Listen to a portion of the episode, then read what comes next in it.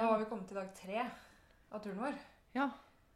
Da hadde vi jo dagen før kjørt fra Borgund og Valdresfløya. Ja, vi hadde egentlig kjørt helt fra Uggedal. Ja, vi hadde faktisk det. Eh, Så dag tre, da våkna vi egentlig i Jotunheimen. Vi våkna i Jotunheimen til en ganske fantastisk utsikt. Eh, jeg elsker fjellet. Ja, jeg vet. Dette fant du ut underveis på denne turen. Ja. Eh, mitt dype nære forhold til fjell. Ja. Mm.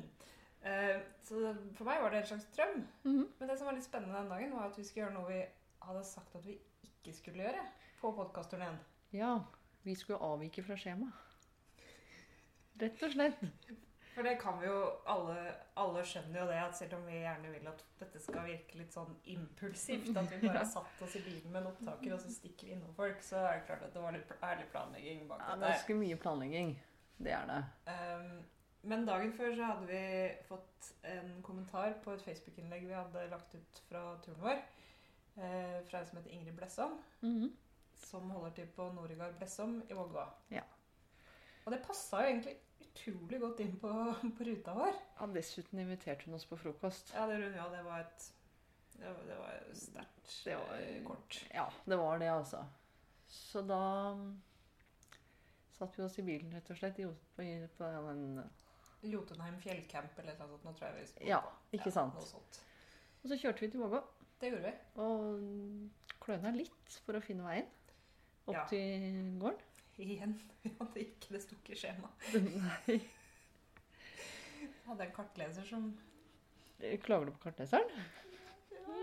Litt ufokusert i oppgaven der et øyeblikk. Ja, Ja. det er sant. Det er sant. An- Ante noe kaffe hjemme og brød i fjerne. Ja.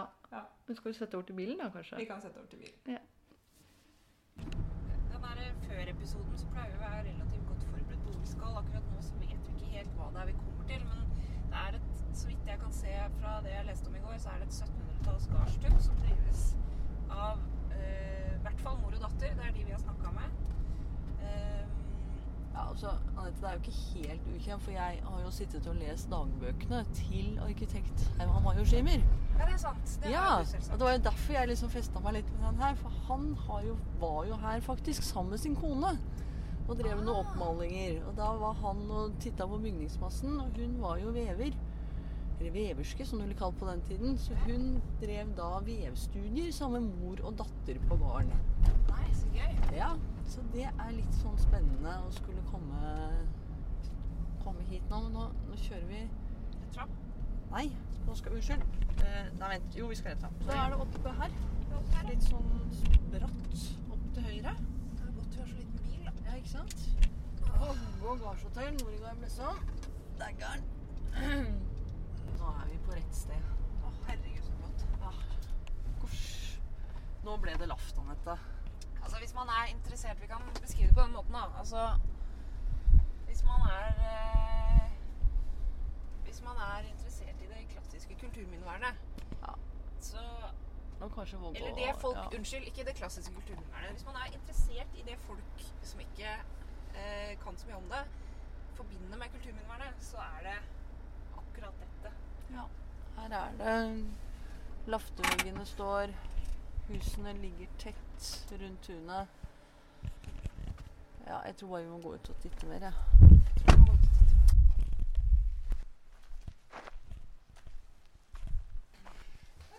Hei! Hei, hei. Hyggelig at du kom hit. Tusen takk for at vi fikk komme. Da var dere to generasjoner. Ja, det er to generasjoner, ja. Ja. Mhm. Jeg ser jo det. da. Ja, så liten generasjon du på sør. da. Nei, da. Mhm. Så en oldemor-generasjon oppi der, og så er det egentlig fire. Ja. Ja. Fire. Oldemor, og så er det oss, og så er det du som er innom, og så broren din bor der, og så disse to barnebarna. Her måtte vi ta en liten pause, fordi den frokosten, den eh, var litt for mye altså, tok litt for mye fokus opp i mitt hode til at jeg kunne klare å sitte og snakke med noen om, og gjøre noen intervjuer. Ja, for den frokosten var jo helt fantastisk. Utrolig bra frokost. Da ble vi altså tatt inn på kjøkkenet, sånn ordentlig storkjøkken. Det het Langbord. med langbord. Og der satt du, og hadde jo egentlig satt en del andre gjester, noen andre gjester også, som var på det gardshotellet. Veldig hyggelig. Så vi fikk snakka med andre folk enn hverandre og intervjuobjektene våre. Ja, og vi fikk sitte på stoler, stoler og bord. Det Det er litt luksus. fordi den der, vi, har, vi hadde jo planlagt litt dårlig akkurat det der campinggreiet. Vi hadde jo ikke, vi har jo, vi hadde ikke med noen stoler og bord og sånn, campingstol og sånn. Så vi, alt er jo liksom egentlig Ja. Hadde vi skulle kjøre bilen tilbake hjem fra Kirkenes, så hadde vi nok tatt med oss en hel del. Men Ja. vi skulle da skulle fly fra Kirkenes og hjem, så alt vi hadde med oss i den bilen, måtte få plass på flyet tilbake. Så, nei, så den derre Det var veldig deilig å sitte på stoler og bord. Vi fikk helt nydelig mat.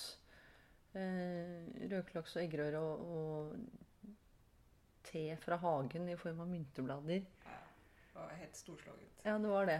Det var det. Men så kom jo det Ja. tidspunktet hvor vi faktisk eh, skulle sette oss ned og snakke litt mer med Ingrid om plassen og hvordan det er å vokse opp og drive og ta arven Ja, ta arven videre. videre For, det, på et sånn plass. for det, her er det lange aner Ja, altså, på det, den plassen her. de, de kan, det er så mange generasjoner at de ikke klarer å følge alle nedover. Nei. Så vi snakker før svartedauden, ja. Så det er ganske Det er jo sånn sett ganske mye ansvar som ligger som ligger i det å skulle ta over. Og det ville vi snakke litt mer med Ingrid om. Ja. Ja, Mathilde.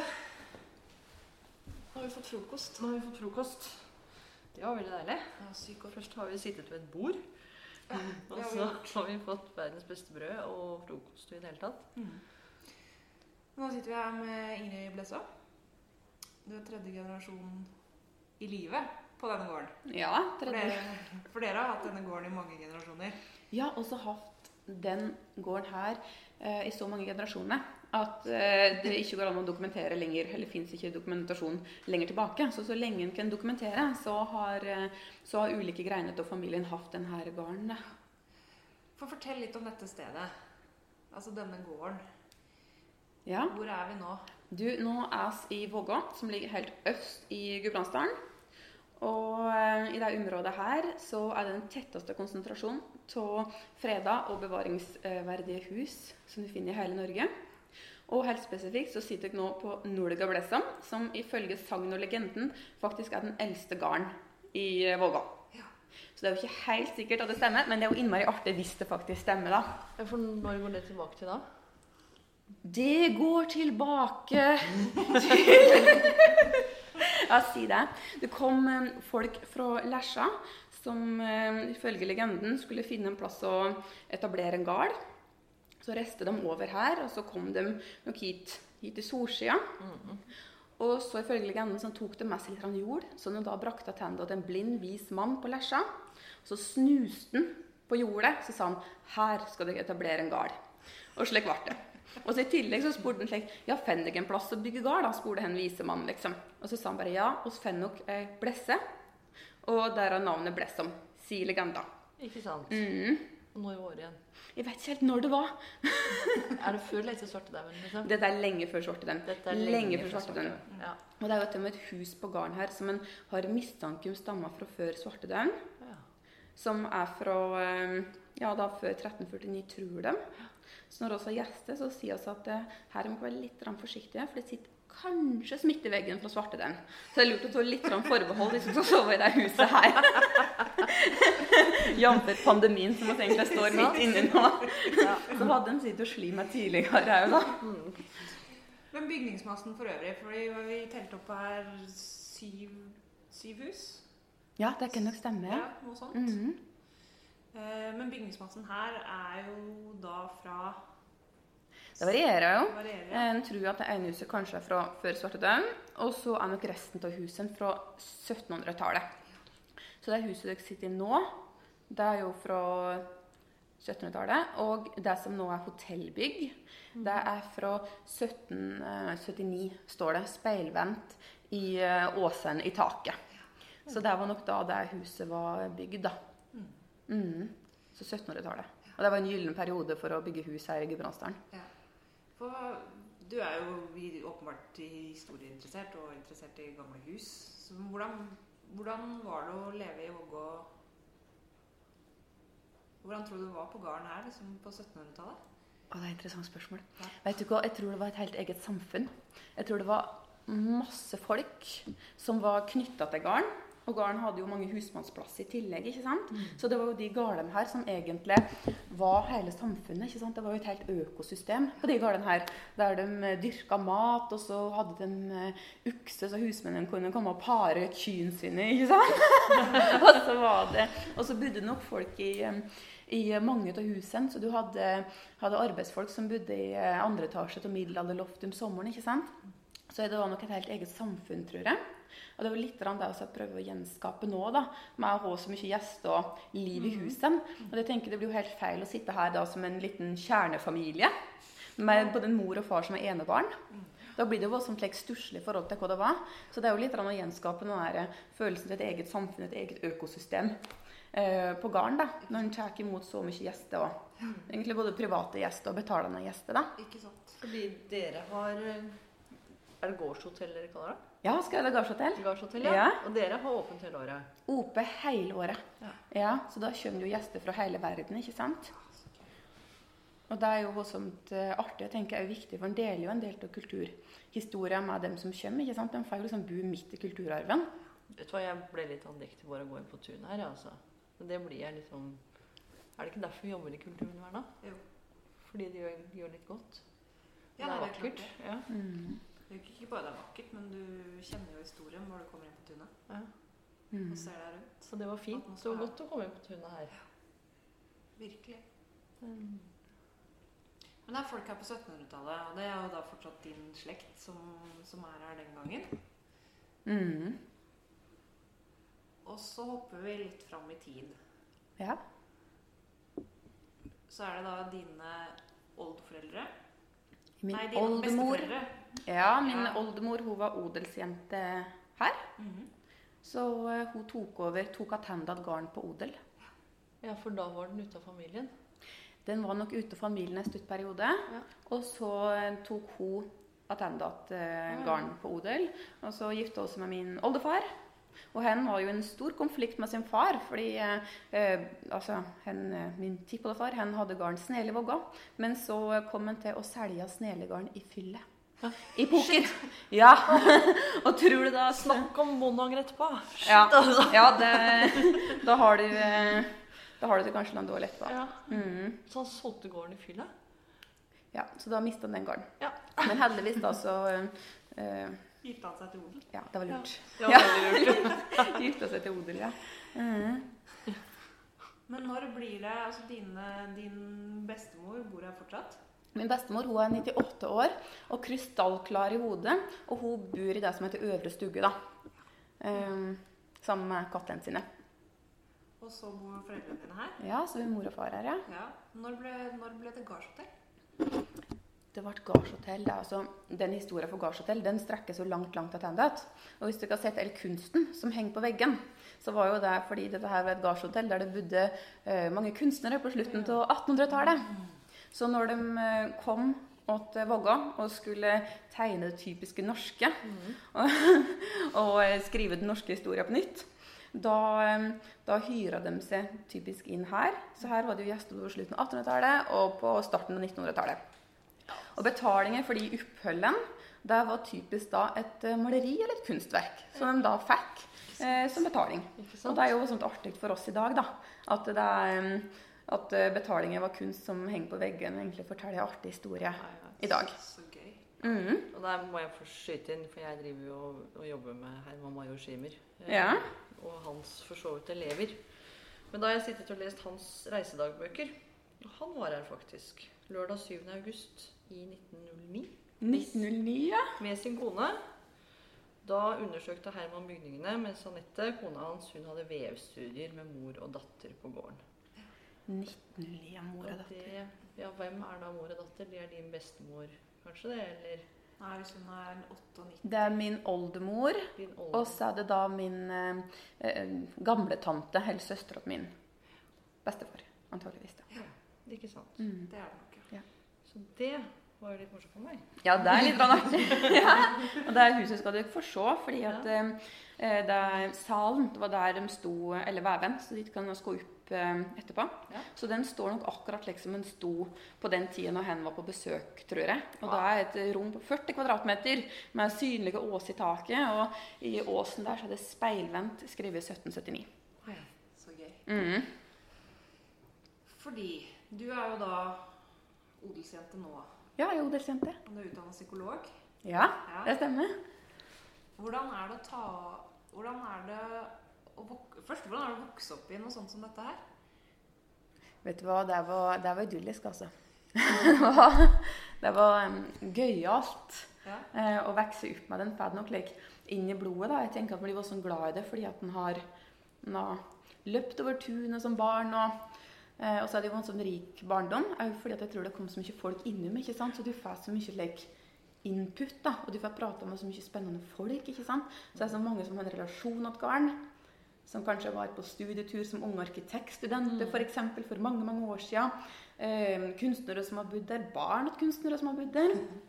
Så slik sett så var det jo på et vis nesten en slik møteplass, da, som jeg ser for meg at det var på 1700-tallet. At det var mange som var innom, mange som hadde tilknytning til gården. Så en voldsomt rik barndom, tror jeg. Jeg tenker Det ligger vel et ansvar På et eller annet tidspunkt så blir man da klar over det. For det hviler jo et ansvar på å ta over en gård som har vært i familien siden før svartedauden. Liksom. Ja, det er et stort ansvar.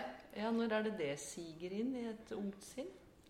Vet du hva, jeg var så, eh, jeg var så eh, glad i dette helt fra jeg var bitte litt tull. Og så skjedde jo det Altså da jeg var 18 år, så skjedde jo egentlig det som ikke skal skje. ikke sant? At det var en stor brann eh, der hele hovedhuset egentlig var totalskada. Og jeg tenker slik For meg så blir jo det en vekker, ikke sant? Fordi at en Ja. ser egentlig eh, hva en hadde, og så ser en hvor stor verdi det har, og så ser en hvor fort det kan bli borte. Og så det, det er jo det bygget vi sitter i nå, er det ikke det? Ja, det er det bygget dere sitter i nå. Så ok, det, er, det kan fort bli borte òg. Men dere har jaggu klart å føde tilbake igjen. Det har oss. Ja. Og da var det jo um, det, tror jeg, det tenkte oss jo på helt i starten. ikke sant? Du våkna dagen etter brann, og så bare tenker du nå må bare rekonstruere. Ja, det er det du tenker med en gang? Ja, ja, med en gang. Det er ikke noe spørsmål? Nei, nei, nei. Nei. da skal du bare rekonstruere. Ja. Og så starta jakten liksom den beste restaureringsarkitekten i Norge. Og så kom vi i kontakt med en som heter Jan Andersen, som eh, tidligere var en av sjefene hos Riksantikvaren. Og så um, kom jo hen på plass hit. Så jeg har et sånn sterkt minne av at eh, jeg kom hjem fra skolen. Da gikk jeg i første klasse videregående. Og så sto han der eh, allerede gamle mannen der, så sa han bare 'Her skal ikke en flis mer rives', sa. Og så var det en slags, der, en slags der, autoritær fredning av alt som sto opp. Liksom. Og så starta den store jakten med å finne originale farger, ikke sant. Ta vare på mest mulig. Tenke nøye gjennom hva skal um, istandsette på en måte som tar vare på mest mulig av det historiske. da. Og nå sitter jeg ved siden av en helt enorm kleverstenspeis Ja, Den står faktisk ut i rommet. ja den står, ja, den står ute i rommet. Og den, eh, den jeg regner med den sto her før også. At den er liksom restaurert tilbake. Ja, ja, den sto akkurat slik den sto nå. Slik sto den i min barndom. Men det der kan jeg jo si at det er mer autentisk nå. For tidligere, til min store fortvilelse, så var jo gulvet lagt opp, ikke sant? Så gulvet flukta ja. med kleberstenspeisen. Ikke sant? Og, men da hadde vi jo sjanser da, til å få det fram at akkurat slik som det sto tidligere. Ja. Så den eh, peisen her, den er jo lokal klæber, sikkert fra Borstad på Larm.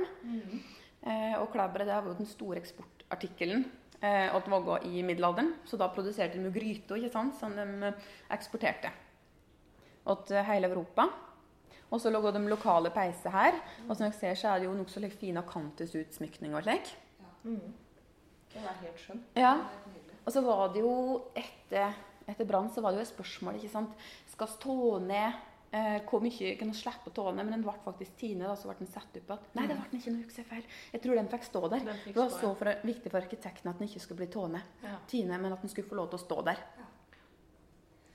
Men du har da også eh, Ikke bare så høres det ut som du har vokst opp eh, med og fått, fått en sånn stolthet for bygningsarven med morsmelka. Men også som da 17-18-åring så får du da ta del i hele liksom, restaureringsprosessen sammen med en restaureringsarkitekt.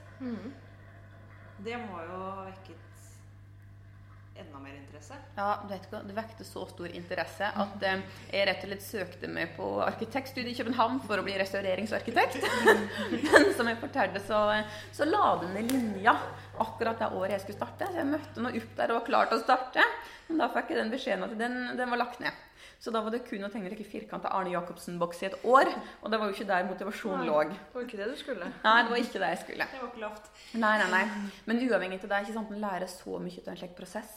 For du kommer i kontakt med så mye flinke fagfolk. Og så er det jo, jeg tenker det var jo et voldsomt heldig tidspunkt at det skjedde på, når noe så katastrofalt faktisk skal skje. da.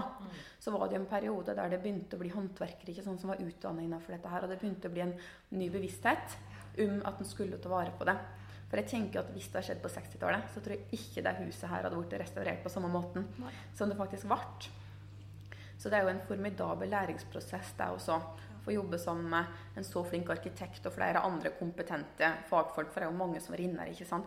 Fra møbelrestaurerere som har eh, både rekonstruert skåp og overflatebehandla eh, og restaurert. Så da, jeg tenker at det, For oss var det en voldsom læringsprosess. Så da var vi jo eh, klare til å restaurere nedre stugge når det skulle gjøres. Ikke sant. Så jeg tror nå heller ikke at det hadde blitt så bra da, hvis vi ikke hadde gjennomgått denne eh, det å rekonstruere det huset her først. Skal vi gå litt rundt? Ja, skal stå en runde. Ja, gjerne. Ja. Yes, du får lede an. Jeg skal lede an. Jeg tenker at vi kan gå over i eh, nedre stugge, som har blitt istandsatt. Ja. Og der det òg nå er Der vi tar imot gjester. Ja. Skal vi spasere over. Det er liksom altså. Det er ikke så flott, det.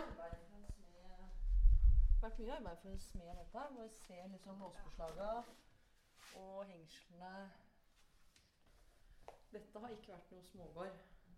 Nei, det tror jeg ikke det var. Eh, og tidligere så var det enda større, for da gikk jo jordet helt ned til elva, ikke sant? Ikke sant? Ja. Så eh, det var mye mer jord tidligere. Er det her det huset, det rommet i antasje her? Ja, er? her er rom i andre etasje. Så du kan se på med himmelseng og Ja. eh, årstall i eh, taket. Og Du ser jo på møblement og sånn der også, altså på skapene og sånn, at her har det jo vært Ikke fattige folk. Nei, det er flott. Jeg tror nok at det var noen ressurser i spill her tidligere. Og så var det jo når det huset her ble bygd på eh, 1779, så eh, var jo en slik oppblomstring i bygdesamfunnet. Så det ble jo eh, bygd store hus, og nokså påkosta hus, og rikt dekorerte hus. Ja. Og det handla visst òg om en skattetilpasning. Ja, nasjonal skattetilpasning, som gjorde at det egentlig var gunstig å eh, bygge store, påkosta hus på den tida. Og det sier jo litt at um, det huset der, som vi akkurat var inni det, det sto rett og slett tomt. De bygde det. Og så sto det der som en kulisse for å vise at de hadde råd til å bygge. Men eh, ingen bodde der, og det var ikke noe særlig innreda. Og så bodde alle sammen sammen her, fordi her var det godt og varmt. Så her, her bodde masse folk sammen, selv om det sto ledige, ledige hus. Et helt hus, stort hus sto ledig, men ingen, ingen bodde der. Så det var nærmest en slik, en sånn slik statusbygning, tror jeg. Og så er det veldig god takhøyde her. Ja, det er det. Det, jeg vet ikke hvor mange meter er det vi har her. Er det i hvert fall tre, vil jeg tro. Ja, det tror jeg det er. Rett, rett over tre meter, vil jeg tippe. -hmm. det, er- det gir jo veldig flotte Det er et veldig flott, stort rom. Ofte så forbinder man liksom laft med litt sånn Du, du, du bøyer, du bøyer deg litt og litt for å komme inn, kroppsbygg, liksom. Ja, ikke liksom. sant? Og det er ikke for menn over 1,90. Nei, nei. Nei. Og så kommer man inn i dette, dette flotte rommet. Det er nydelig. Mm. Hva er den ringen blitt brukt til, Mathilde? Nei, jeg vet ikke. Jeg sto og lurte på samme vet du. Ja, skal jeg si det? Ja. ja. Der, eh, dette var for å lage lærreip, rett og slett. Så de hang eh, reipet over der, og så eh, drev de med, det, med denne her håndbevegelsen som Norge viser, for å mjukne læret. Så satt de sikkert her på eh, vinterkvelden og eh, tilberedte reip i lyset fra Klabbersteinspeisen, tipper jeg. Mm, så der ble den brukt det. Så gøy. Ja, og så hadde jeg en eh, oldefar som var voldsomt høy og sprek. Så da hendte det med at han sparka oppi der. Sparka oppi der, ja. Det var stas. Mm. Det er høyt. Han var smidig. Ja, han var smidig. Ja, og, og høy, tror jeg. Ja. For denne er jo godt over to meter opp i Ja, det er det i hvert fall, ja. Det er to og en halv meter eller noe sånt nå. Mhm. Ja. Den henger jo en slik lang krone, den kroken der, da. Yes, så gøy. Ja, Her ser du også kunst, da. Ja, her er òg kunst. Som eh, typisk var eh, gave for eh, årets eh, sommeropphold. Og nå er det jo slik at gjestene våre altså Noen blir jo ei uke, ikke sant? men standard er kanskje bo to-tre dager, da. De som bor lengst. Men på den tida så var det mer slik der eh, at de vart. Så bodde de kanskje tre uker. Ja. Og jeg har funnet brev fra 20-tallet der de booka rom og reserverte rom i tre uker. Så malerien det er nok en slik form for betaling eller gave. da. Ja. Og skal, Nå er det rom inn der, så det kan hende bor der, men jeg syns hun skal gløtte inn og se likevel hvordan rommen ser ut. Her var det jo da finklever for altså banke på i tilfelle at den blir der. Den.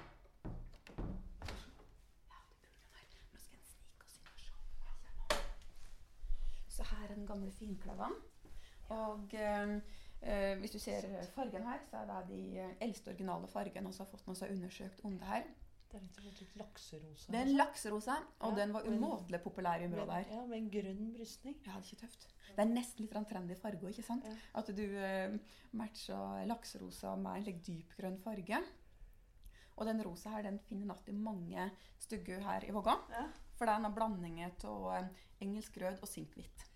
Så da fikk du det. Og så har jeg lyst til å vise deg her. Kom inn, så skal vi snike oss inn og se. Her er da arkitekten. Det er han Jan Andersen som jeg prater om. Ja. Han har da laget det som er reversible bad. Så her er det bare å plukke ut badet hvis en ikke har lyst til hotell lenger, og en har lyst til å eh, skape et museum. Ja. Nei, så gøy. Da var det plukker ut boks i boks. Altså, jeg velger å kutte inn med litt prating fra oss her, og det er egentlig bare for å skape en god overgang. Ja, Det kan være så gjennomsiktig i prosessen her at vi sier det på den måten. ja. Rett og Um. For da hadde vi stått og sitta på dette badet. Da hadde vi stått og sitta på dette badet oppe på en av gjestene sitt rom. Vi hadde sneket oss ut igjen fordi det bodde folk der. Eh, utrolig kul løsning, som jeg nevner sikkert 100 ganger i, den, mm. eh, i det lydklippet. Eh, kom videre inn på neste rom, og der sto det noe som vi gikk litt crazy bananas over. Det var litt spennende. Den der er også Og så en kleberstensovn i en etasjeovn som ikke er en støpeovn, men med trekrakk. Trekrakk er jo de, er altså, de fleste sånne etasjeovner sto gjerne på trekrakk, men de brenner jo opp, så det er ikke så mange av de trekrakkene igjen. Men her er det altså trekrakk med en kleberstens etasjeovn. Det var veldig morsomt å Ja, det er gøy å se. Ja, det var veldig morsomt å se. Mhm. Ja, den der var fin. Jeg tar bilde til deg. Jeg tar bilde til meg. Ja. Men den er eh, Ja, det var nydelig. Når vi snakker litt sånn, det er sånn pågående restaurering. ja, det er pågående hele tida. Ja. Og du kan stadig ha nye prosjekt, da. Ja, ja. Så det er livsstil. Ja, det er livsstil. Du blir ikke ferdig. Nei, heldigvis, da. Fortsette, fortsette. Ja, det er bra. Mhm. Og den døra her, det er jo artig. Nydelig. Ja. Nydelig blåfarge på den døren. ja, dette er pariserblått um, blå pigment. Så kom hit skal du se. Den um, eh, forsøk på ådring her, den er det jeg som har gjort. Det Så det- gjort Ja, ja, så det var det. Jeg bare lass kanten gjorde det, ikke sant? Ja, ja. Så her er basen, det er surmjølk. Mm. Og så var jeg eh, på fest en kveld ved Blå i Oslo. På Blå så er det fargebutikk.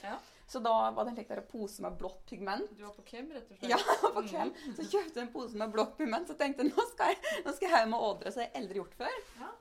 Men dette er ikke galt. ikke sant? Det er ikke galt at det er første jeg gjorde. Ja, nei, nei.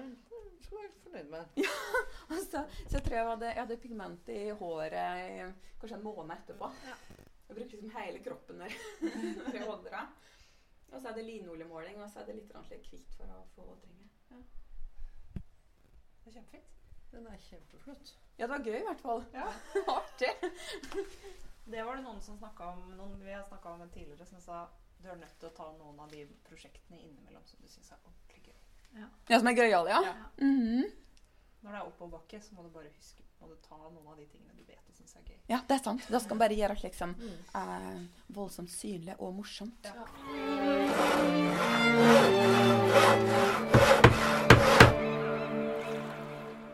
Om hus og folk er et samarbeid mellom Fortidsminneforeningen og Bygg og Bar. Jeg heter Anette Ramstad. Og jeg heter Mathilde Sprovin. Neste stopp er Røros. Men på veien så skal vi i Schirmers fotspor.